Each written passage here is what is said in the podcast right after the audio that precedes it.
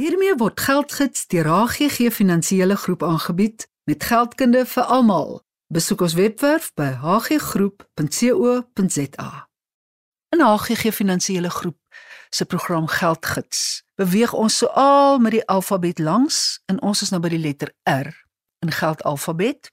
Woorde wat ons daagliks teekom, geldverwante woorde, maar wat ons eintlik nie weet wat die volle betekenis en inhoud daarvan is nie. Dis my geluk en voorreg om vandag vir Nik van der Berg, Hannes Bester, verbonde aan HGG Finansiële Groep se welvaartsake eenheid, weer welkom te heet. Julle was al 'n paar keer saam met ons hier en vandag is Edmund Du Plessis.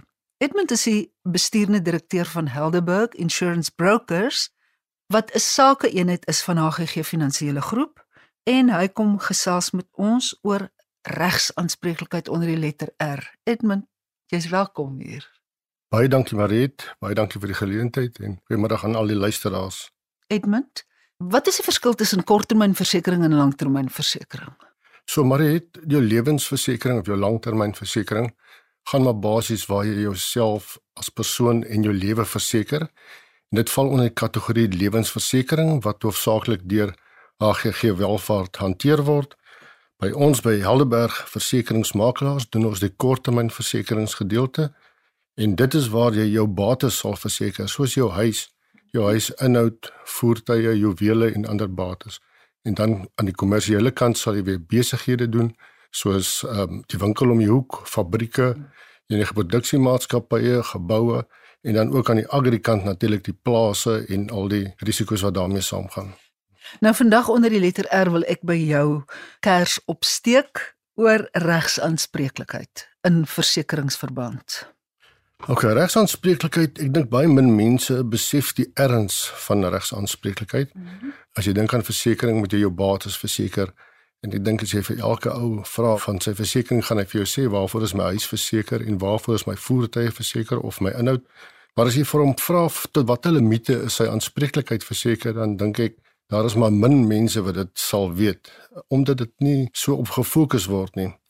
En oor die algemeen, daar's min eise onder regsaanspreeklikheid. As jy nou kyk na die tendens van motoreise en jou inbraakeise, maar regsaanspreeklikheid wanneer 'n ou sy eis sal opdoen, is dit gewoonlik groot bedrae wat ter sprake kom. In watter omstandighede kom regsaanspreeklikheid ter sprake vir 'n individu?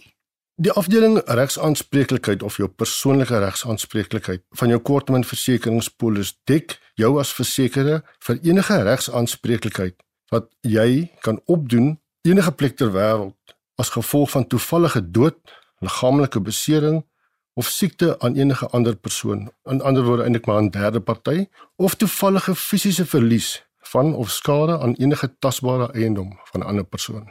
Met ander woorde, ek verseker my eiendom maar terselfdertyd moet ek eintlik 'n versekering uitneem dat wanneer iemand as gevolg van my optrede of as gevolg van my nalatigheid 'n besering opdoen of heen gaan of skade opdoen. Is dit wat regsaanspreeklikheid? Maar dit is korrek. Dit is heeltemal korrek.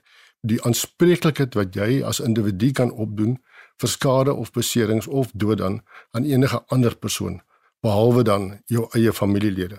Kom jy agter in die praktyk Edmund dat mense hulle eie goed verseker maar nalat om regsaanspreeklikheid te verseker of buffer daarteen uit te neem? Niemand vra pertinent daarvoor in die meeste gevalle kom die persoon om sy bates te verseker. Dit is nou waar die doel van die makelaar inkom want hy sal hierdie dinge uitwys of behoort hierdie dinge uit te wys aan die kliënt om te sê jy kan byvoorbeeld nie 'n huis verseker of as 'n huurder in 'n eiendom ingaan sonder die nodige huurdersaanspreeklikheid en jy as geboueienaars aanspreeklikheid wat alles dekking is wat val onder die regsaanspreeklikheid afdeling van jou polis. En dit sou regtig waar nie van pas wees om 'n produk aan 'n kliënt te verkoop mhm. waar hy sy bates verseker sonder om die regsaanspreeklikheid daarbey in te sluit nie. Edmund in versekeringsterme hoor ons soms die uitdrukking hemelse ingryping, goddelike ingryping, natuurkrag, natuurramp, act of god. Waar kom dit ter sprake in die hele regsaanspreeklikheid? Ja, maar dit die term act of God is in baie gevalle dink ek heeltemal misinterpreteer deur baie van die kliënte of versekerdes. Mm -hmm. Baie mense reken dat as jou huis of jou bates of eiendom beskadig is deur 'n storm of 'n vloed dan is dit 'n act of God en ja, dit is dalk, maar die term act of God in terme van versekerings gaan meer oor die aanspreeklikheid en die bepaling van die persoon se aanspreeklikheid. En die beste manier om dit dalk te verduidelik is deur middel van 'n voorbeeld is waar ons miskien vandag 'n geweldige storm sal ervaar in ons omgewing en 'n kliënt se dakplate sal afwaai en natuurlik nou môreoggend sal 'n buurman daar met aggressiewe gesig omrede hy skade aan sy voete het as gevolg van jou dakplate wat oor sy bates gewaai het. En dan gaan hy natuurlik nou vir jou aanspreeklik hou wat logies klink. Maar wanneer die eis ingedien word sal die versekeraar sekerlik dit ondersoek want dan moet eerstens bepaal word was die eienaar van hierdie huis regtens aanspreeklik en nalatig op die einde van die dag. En wanneer daar bepaal kan word dat ja, die dakskroewe was geroes ja. of die dakskroewe was los en dit was die direkte oorsaak dat die dakplaat afgewaai het, dan sal daardie eienaar regstens aanspreeklik gehou word en jy sal wel 'n geldige huis hê onder jou regsaanspreeklikheid afdeling van jou polis. Maar sou hulle bepaal dat daar geen onderhoudsprobleme of geen defekte aan die dak mhm. was nie, en die direkte oorsaak was wel net 'n totaal uitermate wind wat gewaai het, dan sal daar geen manier wees dat die eienaar van die woning aanspreeklik gehou kan word nie. Omrede dit was totaal en al buite sy beheer. Edmund, daar sal baie navraag wees oor hierdie besondere fyn onderskeid wat in sekere omstandighede getref kan word. Kan jy vir ons luisteraars skakelbesonderhede gee as hulle vir jou wil vra?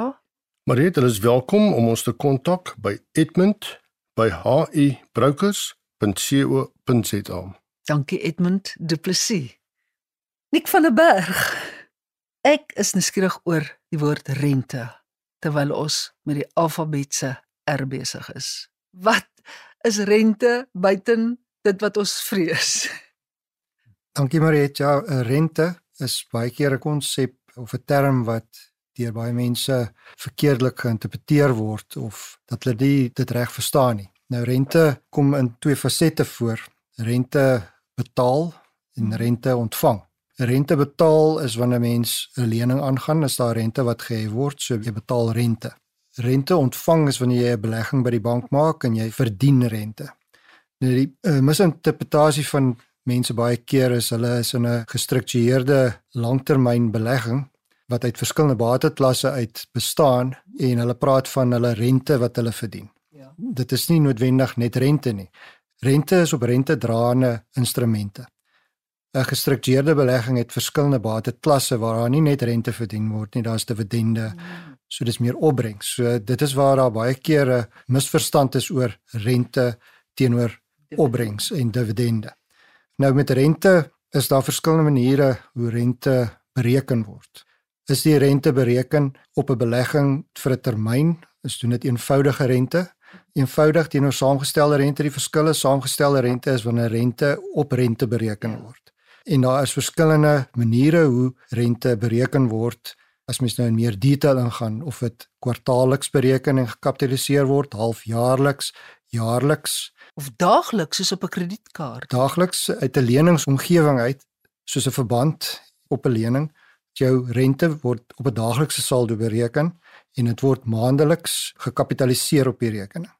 Dit is 'n baie belangrike ding wat mense in ag moet neem want jy betaal dus op jou verband maandeliks rente en kapitaal. Hmm. Waarop 'n afbetalingsooreenkoms soos 'n voertuig word die rente vir die termyn vooruit bereken wat dan op 'n hoofskuld uitwerk en die hoofskuld word dan oor 'n termyn van 60 maande terugbetaal. So dit word vooruitbereken die rente. En as jy in die verloop van die termyn van die lening as jy hom wil aflos jy motor verkoop, ja. dan word daar 'n herberekening van rente gedoen tot op die stadium wat jy aflos. In die verlede was daar boetes ter sprake as jy nie kennis gegee het nie, maar met nuwe wetgewing is daar nie boetes ter sprake wanneer jy wil aflos nie. Dit is belangrik om te weet.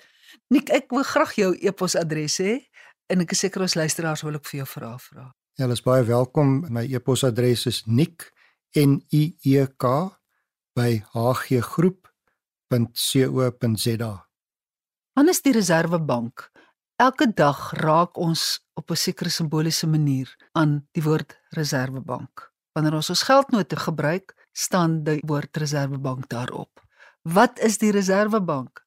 Maar het die note en die munte wat ons elke dag gebruik. Een van die take van die Reserwebank is om die munte uit te gee nuwe note te druk en ook ou vervalle note te vernietig. 'n Verdere taak van die Reserwebank kan wees om die inflasie en die rentekoers in ons land onder beheer te hou. Aan wie behoort die Reserwebank? Is dit 'n regeringsinstelling? Behoort dit aan die nasie van Suid-Afrika? Wat is die aard van die Reserwebank? Dis baie belangrik dat ons weet dat dit 'n onafhanklike instelling met sy eie doelwit en sy eie mandaat is.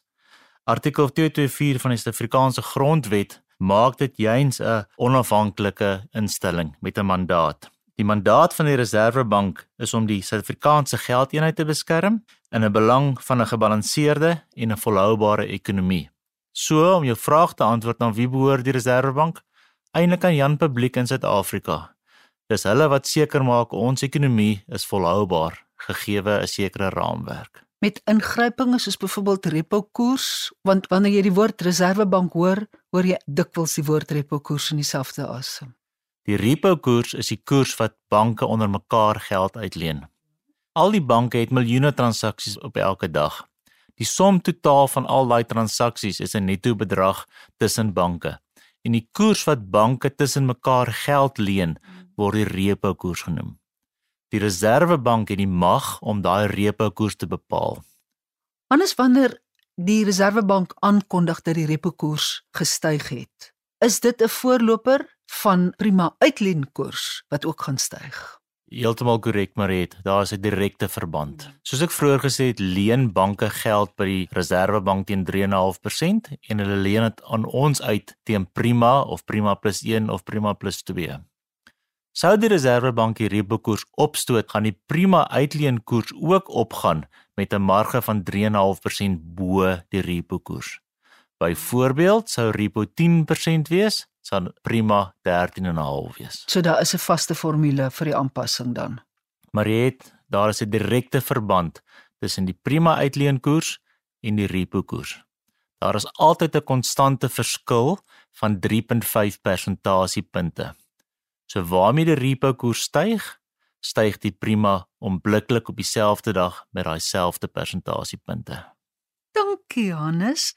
As ons luisteraars vra het oor hierdie begrippe repo koers, prima uitleenkoers, reservebank, mag hulle met jou in verbinding tree asseblief?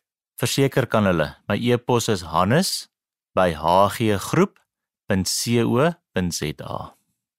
By gebrek aan baie geldverwante woorde in Afrikaans onder Q X Y en Z, gaan ons teen die einde van geldalfabet gaan ons vrae beantwoord wat ons luisteraars solank vir ons kan instuur en ons spankundiges sien uit daarna om begrippe toe te lig waarby ons nie in die res van die alfabet uitgekom het nie.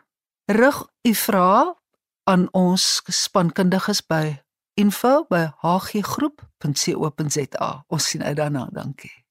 Geldgids word geborg deur HGG Finansiële Groep. Kontak ons gerus by info@hggroep.co.za of 021 851 2778. Dit maak nie saak hoe oud jy is nie. Die HGG Finansiële Groep stap die pad saam met jou. As jy meer as die alledaagse verwag vir advies oor omvattende finansiële behoeftes, lewer ons diens wat jou pas. Ons bied innoverende en toekomsgerigte finansiële dienste met die klem op persoonlike kontak. Dis die verhouding tussen ons en jou wat tel. Kontak jou naaste kantoor vandag nog om uit te vind hoe jy die voordele van 'n HGG leefstyl kan geniet. HGG Welvaart is 'n gemagtigde finansiële dienste verskaffer.